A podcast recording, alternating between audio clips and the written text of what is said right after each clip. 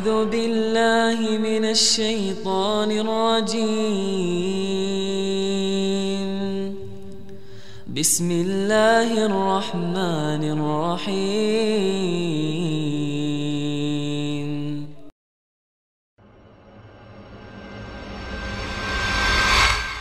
Saya ingin mengingatkan diri saya dan teman-teman sekalian statement yang menarik dari Ibnu Qayyim rahimahullah. Ibnu Qayyim pernah mengatakan, saya selalu senang dan tenang. Saya selalu senang dan tenang melalui kehidupan dunia ini karena dua hal. Yang pertama adalah saya selalu senang dan tenang karena saya tahu ajal saya sudah ditentukan oleh Tuhan saya maka tidak akan pernah bertambah sesaat dan tidak akan berkurang sesaat. Artinya kalau saya akan meninggal 60 tahun ya 60 tahun. Mau sehat, mau sakit, ya, mau kaya, mau miskin, sudah saatnya mati akan mati. Maka saya tidak perlu repot dengan itu. Saya tinggal mengisi hidup saya dengan kebaikan-kebaikan, tinggalkan keburukan, udah sampai ajal datang. Saya selalu senang dan tenang karena tidak karena ajal saya sudah ditentukan oleh Tuhan saya tidak akan bertambah saat dan tidak akan berkurang saat. Lalu yang kedua ini saksi bahasan kita. Dia mengatakan saya selalu senang dan tenang karena rezeki saya tidak akan diambil oleh orang lain. Teman-teman sekalian garis bawahi satu hal. Tidak ada dalam Islam namanya rezeki kita diambil oleh orang lain. Pernah waktu saya tablik akbar di Surabaya dan membahas masalah materi kita tadi subuh kenalilah Tuhan kau akan bahagia. Ada seorang pengusaha muda datang kepada saya dan berkata, Ustaz, saya bersama dengan beberapa teman-teman saya coba untuk melobi masuk ke dalam satu proyek. Dan di antara teman-teman saya, saya bukan memuji diri tapi saya orang yang paling baik ibadahnya di antara mereka. Artinya mereka masih sholat pun ya kalau disuruh. Kalau saya masih menjaga sholat. Tapi anehnya Ustaz, pada saat ya, proyek tersebut sudah didapatkan, teman-teman saya semua dapat kecuali saya. Saya nggak dapat. Gimana cara memahami ini? Sementara saya tahu benar bagaimana ibadah mereka yang kurang kepada Allah Subhanahu wa taala. Lalu saya jawab, itu belum rezeki Anda. Itu aja jawabannya. Itu belum rezeki Anda. Kalau rezeki Anda pasti akan datang. Nggak akan ke mana-mana itu. Kalau sudah rezekinya. Apalagi yang berhubungan dengan rezeki mutlak tadi yang saya jelaskan. Saya pernah teman-teman sekalian beli makanan. Saya sangat senang dengan makanan itu. Di Jawa Timur, di Surabaya tempat ada madu mongso. Jadi manis, enak gitu. Saya sering beli kecil, ketan. Ya. Saya beli sekitar 50 biji kena kecil-kecil. Sering saya bawa dari Surabaya ke Jakarta. Saya sempat beli, kemudian saya sambil nunggu pesawat akan take off satu jam lagi Surabaya ke Jakarta. Saya taruh di lounge, lagi duduk, sambil nunggu waktu saya buka laptop sambil saya ngetik-ngetik ceramah. Karena asyiknya ngikutin ceramah, saya lagi edit, saya lagi perbaikin, terus dipanggil. Setelah itu 45 menit dipanggil, 5 menit kemudian dipanggil, suruh naik pesawat. Saya buru-buru matikan laptop, saya tutup lalu saya jalan. Saya lupa tuh kresek saya yang ada isinya makanan tadi. Saya ingatnya nanti setelah tiba di Bandara Jakarta. Perasaan tadi selain laptop ada yang saya pegang yang lain nih. Gitu. Mana nih kreseknya? Oh makanan saya ketinggalan. Tapi karena saya sudah tahu teorinya, ternyata memang madu mungso itu bukan rezeki saya. Rezekinya orang yang di situ. Gitu. Pernah nggak teman-teman beli makanan kalau yang sudah punya anak kecil di rumah, beli makanan taruh di kulkas niatnya mau makan besok. Besok, besok kita buka sudah dimakan. Gitu. Ya, sering ya? Itu karena bukan rezeki anda memang. Memang rezekinya dia. Gitu kan. Akan sampai kepada dia. Kalau yang sifatnya mutlak pasti sampai ke dia. Bagaimanapun caranya akan sampai ke dia. Gitu. Jadi kita harus pahamin berhubungan dengan rezeki masalah ini. Jadi yakinlah tidak ada rezeki diambil oleh orang lain. Tinggal bagaimana kita berusaha punya ilmu. Kalau ingin kembangkan dan dapat yang ikhtiar lebih banyak lagi dan syukuri. Yang kedua teman-teman kiat untuk menambah rezeki adalah infak, sedekah. Harus kita ubah nih satu kaidah kapitalis yang mengatakan menabung pangkal kaya. Maaf teman-teman yang suka nabung nih. Bukan saya larang nabung, bukan. Tapi dalam Islam bukan menabung pangkal kaya, tapi sedekah pangkal kaya. Nggak bisa ketemu antara nabung dengan sedekah, nggak bisa ketemu nih. Susah ketemunya. Karena sedekah disuruh keluarin, ini nabung disuruh simpan, gitu kan. Nggak bakal ketemu. Dalam Islam makin sering kita keluarkan di jalan Allah, makin terbuka tuh rezekinya.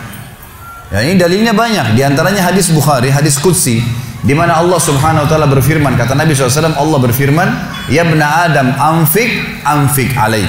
Wahai anak Adam, berinfak dulu di jalanku, aku baru berinfak padamu. Sodakahin dulu, baru aku kasih kamu. Jadi ini kata kuncinya, makin sering keluarkan maka makin bagus. Makin bagus yang kita kasih, ya, makin sempurna, makin sempurna balasan dari Allah. Coba renungi perkataan Urwa bin Zubair rahimahullah, seorang ulama tabi'in yang masyhur. Urwa bin Zubair ini ayahnya namanya Zubair bin Awam. Salah satu sahabat ya, dari 10 orang yang jamin masuk surga. Anaknya namanya Urwa, ulama besar, gitu kan, dari tabi'in. Urwa mengatakan, janganlah seseorang di antara kalian memberikan untuk Allah, keluarkan di jalan Allah sedekah, sesuatu yang dia malu kalau dia berikan kepada pemimpin satu kaum. Begini maksudnya. Saya ingin tanya teman-teman, coba renungin dan jujur jawabnya ya. Kalau seandainya Anda tiba-tiba diundang oleh saya nggak tahu nih, di, di Bali ini apa? Wali kota ya? Diundang oleh wali kota. Baik, bapak ini atau ibu ini diundang ke wali kota, di telepon khusus, datang ya ke kantor saya besok, dan tolong beliin saya buah. Pesan beli buah. Kira-kira teman-teman sekalian pada saat wali kota pesan buah dari anda ini, beli buahnya di mana? Di pasar kaki lima kan? Emperan jalan? Masuk supermarket. Cari buah yang biasa-biasa saja tuh buah yang paling bagus. Kalau ada sedikit rusak kulitnya tercoret atau mungkin terkelupas, dimasukin nggak? Setelah kita beli buah-buah yang paling bagus, yang paling mahal, ditaruh di kresek atau cari alat yang lalu tempat yang lain. Cari keranjang, pakai plastik, pakai kartu nama, luar biasa. Kenapa? Karena wali kota yang pesan. Coba teman-teman sekalian, kalau ibu anda yang pesan, bapak yang pesan, nah beliin ayah, beliin ibu jeruk ya, buah. Beli di mana kira-kira? di kaki lima. Kemudian penjualnya bilang, ini ada rusak sedikit, nggak apa-apa, masukin aja. Pakai kresek tua ini bekas ikan, udah nggak apa-apa. Ini yang Urwa rahimahullah berkata, janganlah seseorang di antara kalian ya memberikan untuk Allah di jalan Allah. Orang tua kita tuh kalau bakti luar biasa pahalanya kan gitu. Yang kalian malu kalau kalian berikan kepada pemimpin satu kaum. Mestinya ibu ayah kita tuh dibuatin kayak tadi itu, malah lebih hebat daripada itu pilihin buah yang paling bagus, keramas, eh, dikemas yang paling bagus dan seterusnya. Mestinya begitu. Tapi seperti itulah manusia, karena tidak paham teman-teman sekalian. Sesuatu yang dikeluarkan di jalan Allah akan mendatangkan respon rezeki yang banyak.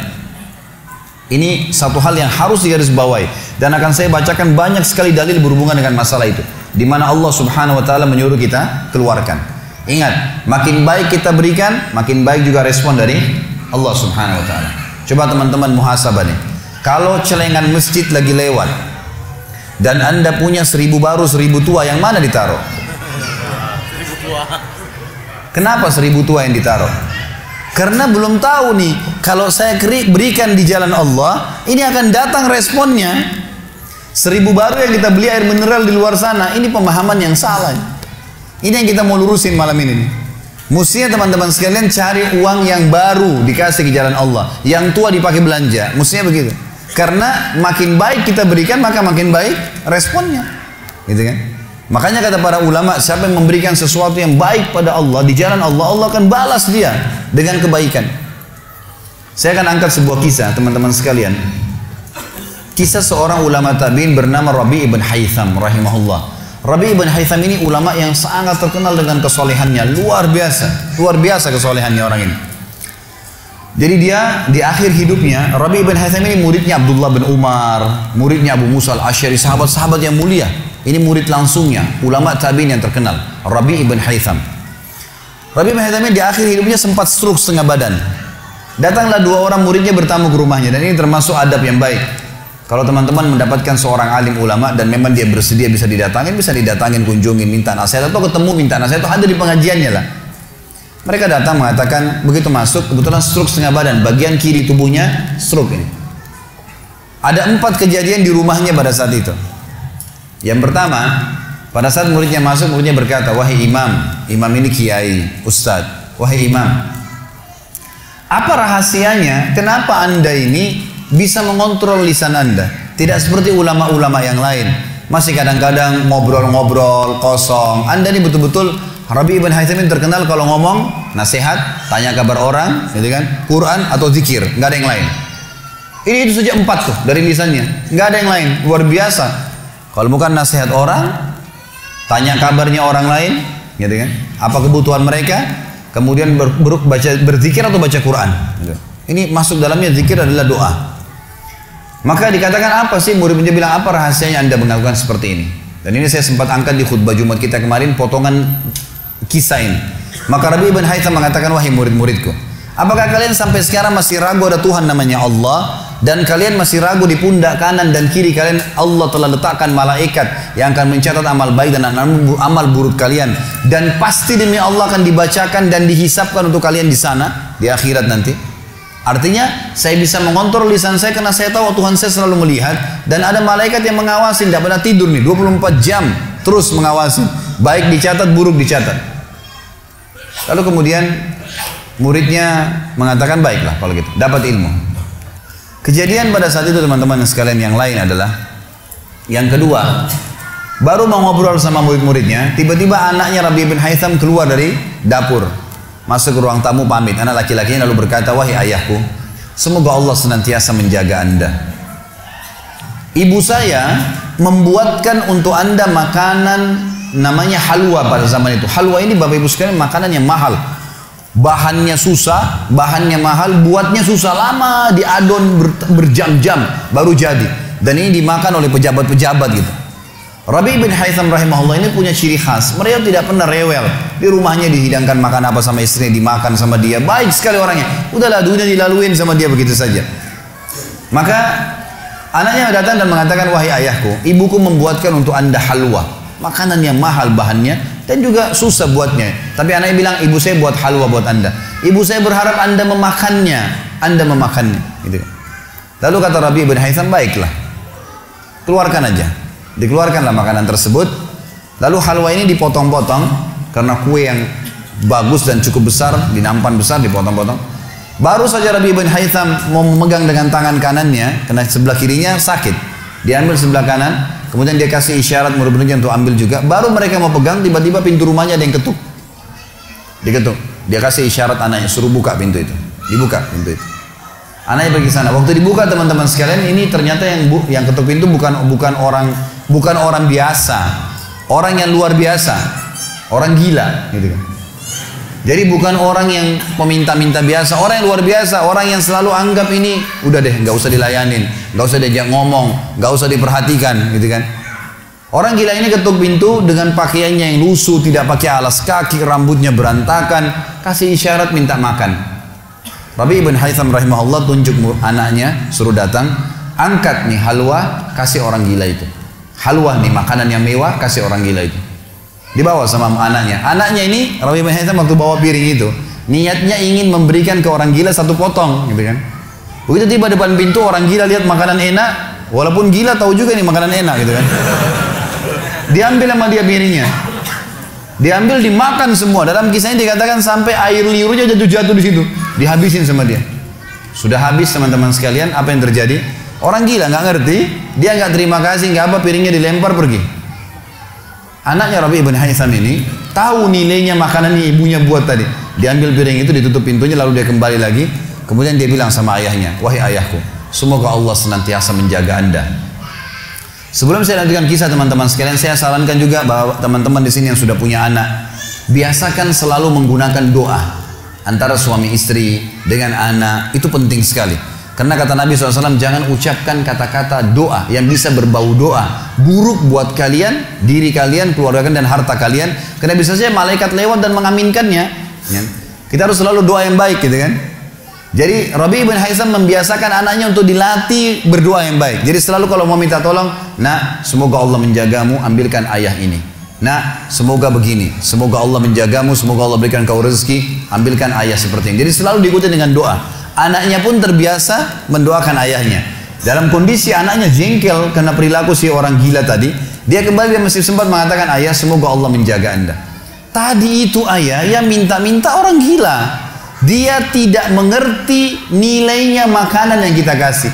Kalau tadi anda suruh saya ke dapur, ngambil apa saja, roti lah, apalah. Dia makan juga. Kenapa harus halwa yang ibu saya setengah mati buat, biayanya mahal, buatnya lama, gitu kan? Jadi anaknya butuh jawaban nih. Perhatikan apa jawabannya orang beriman kepada Allah dan tahu benar kata kunci bertambahnya rezeki justru dengan sedekah itu.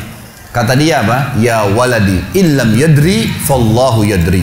Baru dia baca ayat lan tanalu birra hatta tunfiqu mimma tuhibbun. Wahai anakku, kalau orang gila itu tidak tahu nilainya makanan yang kita kasih, nggak penting buat saya. Karena Allah tahu nilainya. Bukan dianya, tapi Allah tahu nilainya. Dan ingatlah firman Allah, kalian tidak akan mendapatkan, gitu kan?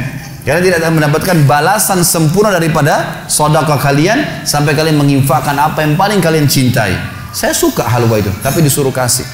Teman-teman sekalian pelajaran luar biasa dari kisah ini. Pernah nggak kita berpikir berikan makan orang gila? Kadang-kadang subhanallah kita lihat orang gila ambil di sampah kita biarin, nggak mau dilihat. Kalau kita nggak kasih makanan dia siapa yang akan kasih makan? Dan Allah tetap menilai kita dan sesuai dengan niatnya. Inna malu bin niat. Termasuk saya pernah jelaskan ke jamaah saya di pengajian. Kalau ada orang datang ke masjid kita ini sekarang bawa proposal teman-teman sekalian. Nih proposal saya mau bangun masjid. Butuh bantuan satu miliar. Kita nyumbang semua. Terkumpul satu miliar. Sebulan kemudian kita tahu orang itu dusta. Rugi kah kita? Tidak rugi sama sekali.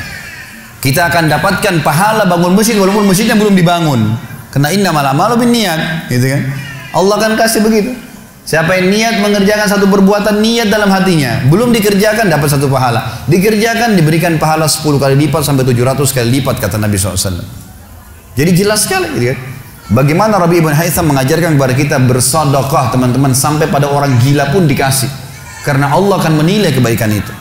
Bagaimana bisa kita tidak lakukan?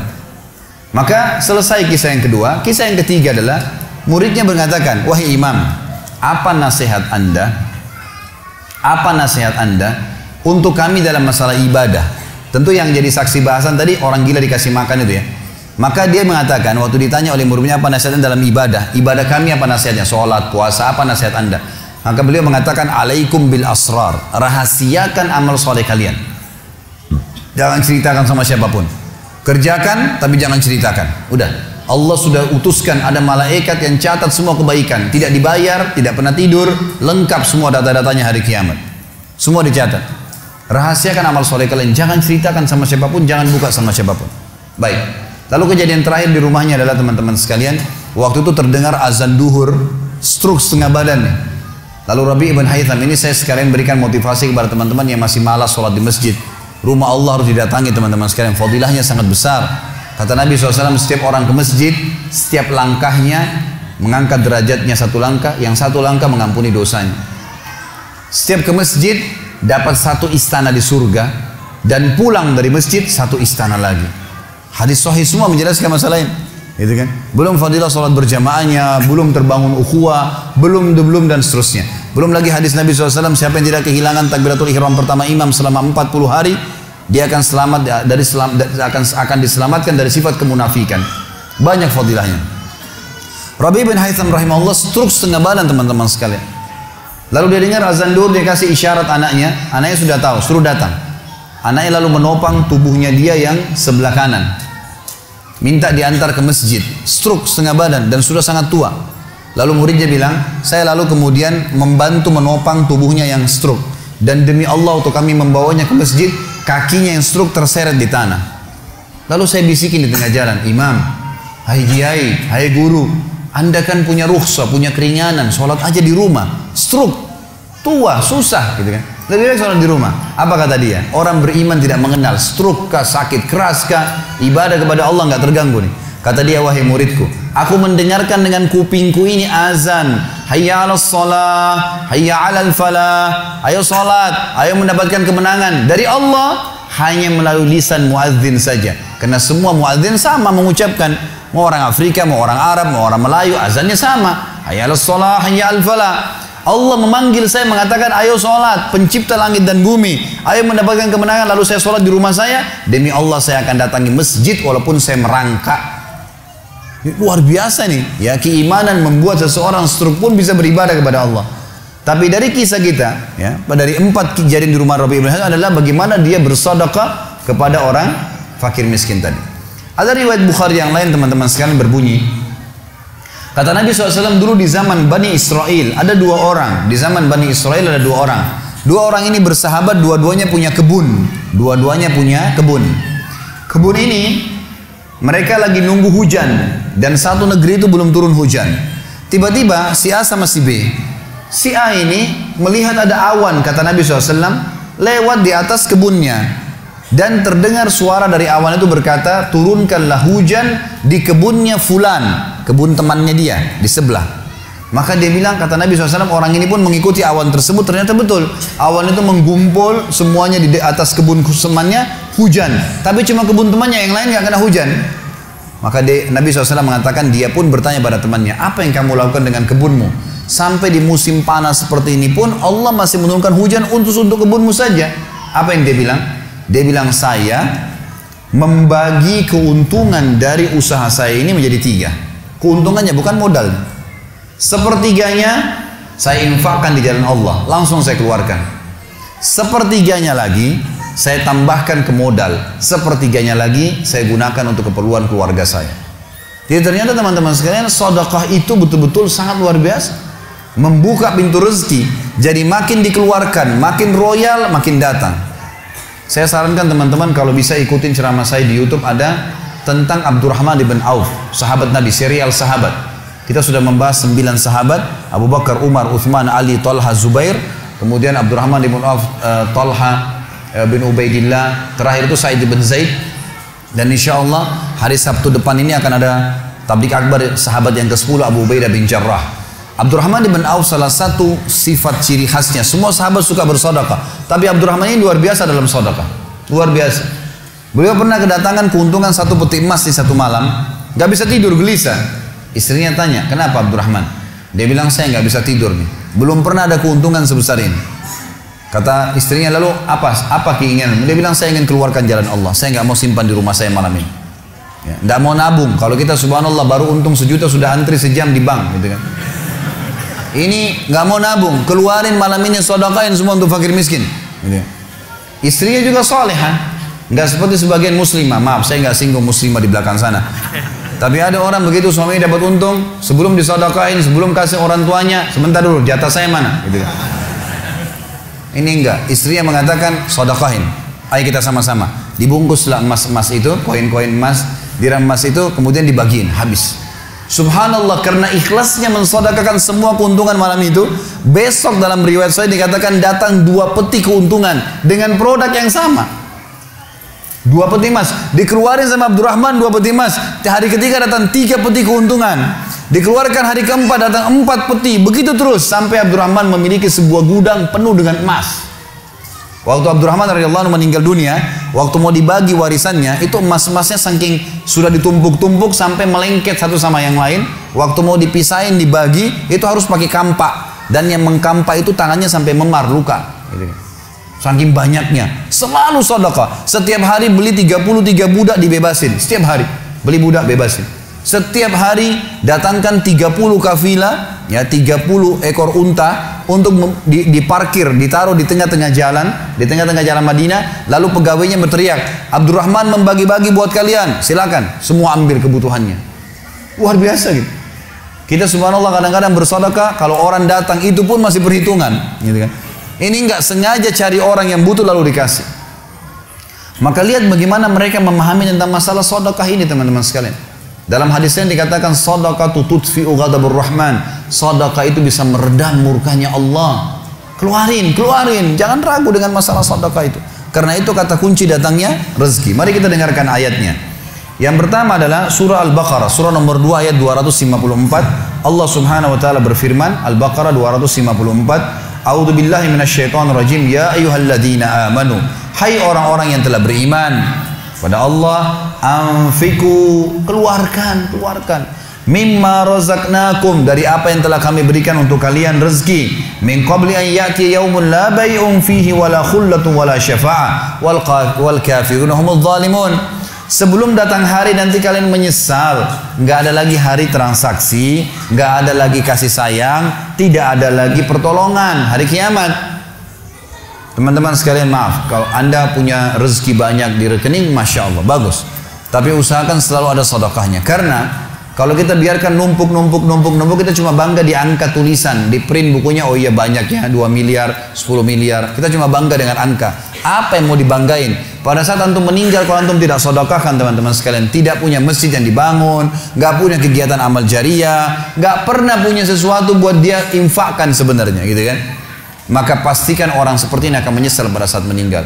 Coba ya saya sodokahin dulu. Makanya kata Nabi SAW, hartamu yang sebenarnya, harta yang kau sodakakan selama kau hidup, itu harta sebenarnya. Dan harta yang bukan sebenarnya yang kau habiskan beli makanan dan pakaian. Habis semua. Yang kau sodakain. Seorang ulama salaf dulu pernah ditanya, setiap dia dapat keuntungan selalu sodakain, dapat keuntungan selalu sodakain, selalu sodakain. Dipakai untuk kebutuhan keluarganya, sisanya sodakah, sisanya sodakah. Nggak ditabung sama dia, dihabisin. Maka pada saat ya ada teman-temannya kumpul di rumahnya lalu berkata, wahai fulan, apa kok nggak sayang hasil kerimatmu? Bukannya ditabung malah dikeluarin terus. Kok nggak sayang sama hartamu tuh? Kata dia apa? Justru saya sayang sama harta saya. Karena saya sayang jadi saya mau bawa harta saya sampai di akhirat. Ini sodokah saya bawa sampai di akhirat. Kalau saya simpan di sini saya cuma tabung untuk dunia saja. Gitu. Jadi lihat bagaimana mereka memahami tentang masalah sodokah itu. Kemudian dikatakan dan orang-orang kafir mereka lah orang-orang yang zalim. Mereka tidak mau sodokah maka mereka zalim sebenarnya. Kemudian surah Ibrahim, surah nomor 14 ayat 31 sampai 34. Allah Subhanahu wa taala berfirman, "A'udzubillahi minasyaitonirrajim, qul li ibadiyalladzina amanu." Katakanlah hai Muhammad kepada hamba-hamba saya yang telah mengaku beriman, yuqimus salat. Mereka mendirikan salat, jaga salat lima waktu mereka, salat-salat sunnah mereka, wa yunfiku dan mereka bersedekah, menginfakkan. Mimma razaqnahum. Dari apa yang kami jadikan sebagai rezeki buat mereka. Sirran wa alaniyah. Baik sembunyi-sembunyi ataupun terang-terangan. Karena kadang-kadang kalau ada orang minta di pinggir jalan kita nggak mungkin sembunyikan. Tinggal mengontrol supaya tidak riak saja min qabli an yatiya yaumun la bay'un fi wala khilal. Sebelum datang hari tidak lagi transaksi. Nggak bisa lagi kita keluarkan uang kita. Di akhirat nggak laku lagi rupiah. Nggak laku lagi dolar. Nggak laku lagi pound sterling. Nggak ada lagi semua itu. Yang laku adalah yang sudah disodokain selama di dunia. Sebelum datang hari yang tidak ada transaksi dan tidak ada lagi persahabatan. Allahul ladzi khalaqas samawati wal ard yang menyuruh kalian sholat tadi dan menginfakkan apa yang kalian telah diberikan adalah Allah yang telah menciptakan seluruh langit dan bumi. Wa anzala minas sama'i ma'a dan telah menurunkan dari langit air. Fa akhraja bihi minas samarati rizqan lakum. Lalu dengan air hujan itu dia tumbuhkan buah-buahan sehingga kalian uh, bisa menjadikannya sebagai rezeki kalian menutupi kebutuhan kalian Lakumul fulka litajriya fil. Yang menyuruh kalian sholat dan berinfak itu adalah Tuhan Allah yang telah menundukkan lautan sehingga bahtera-bahtera kalian bisa meraung di atasnya lakumul anhar juga yang telah menundukkan sungai-sungai buat kalian. Bisa dilewatin atasnya bisa diambil ikan-ikan dan seterusnya yang ada di dalam lautan dan sungai itu.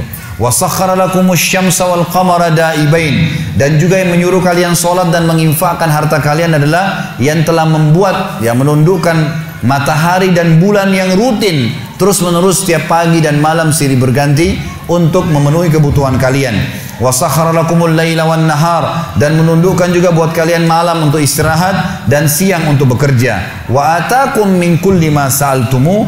Dan juga dia telah dia akan memberikan semua apa yang kalian minta kepadanya. Wa in ta'uddu ni'matallahi la tuhsuha. Kalau kalian ingin menghitung-hitung nikmat Allah maka kalian tidak akan mampu. Innal insana la zalumun kafar sesungguhnya manusia itu zalum zalim kafar kufur gitu kan Dikatakan dalam sebuah hadis kata Nabi SAW, manusia itu kufur. Kalau dia dikasih, ya, kalau Allah tidak Allah tahan rezekinya, maka dia terus menerus berdoa, terus menerus mengeluh, dan pada saat Allah kasih dia, dia pelit untuk tidak keluarkan. Bagaimana bisa dia menganggap punya? Siapa di antara anda yang menganggap apa yang dia miliki sekarang punya dia? Mungkin kita semua mengatakan, oh ini rumah saya, ini mobil saya, ini punya saya, ini baju saya. Itu perkataan kita cuma simbolik di dunia. Buktinya pada saat kita meninggal, dibungkus dengan kain kafan. Semewah apa pun mobil tidak bakal ikut ke liang lahat. Rumah tidak masuk liang lahat. Nggak ada ceritanya. Kita masuk semua jadi warisan tuh. Itu buktinya. Lahir tanpa pakaian, masuk kuburan juga dengan satu lembar pakaian. Gitu. Berarti bukan milik kita. Maka kesempatan kita memperbanyak amal sodakah kita sehingga memang mendapatkan pahala yang besar. Dan sekali lagi bahasan kita sodakah mendatangkan rezeki yang banyak. بالله من الشيطان الرجيم. بسم الله الرحمن الرحيم.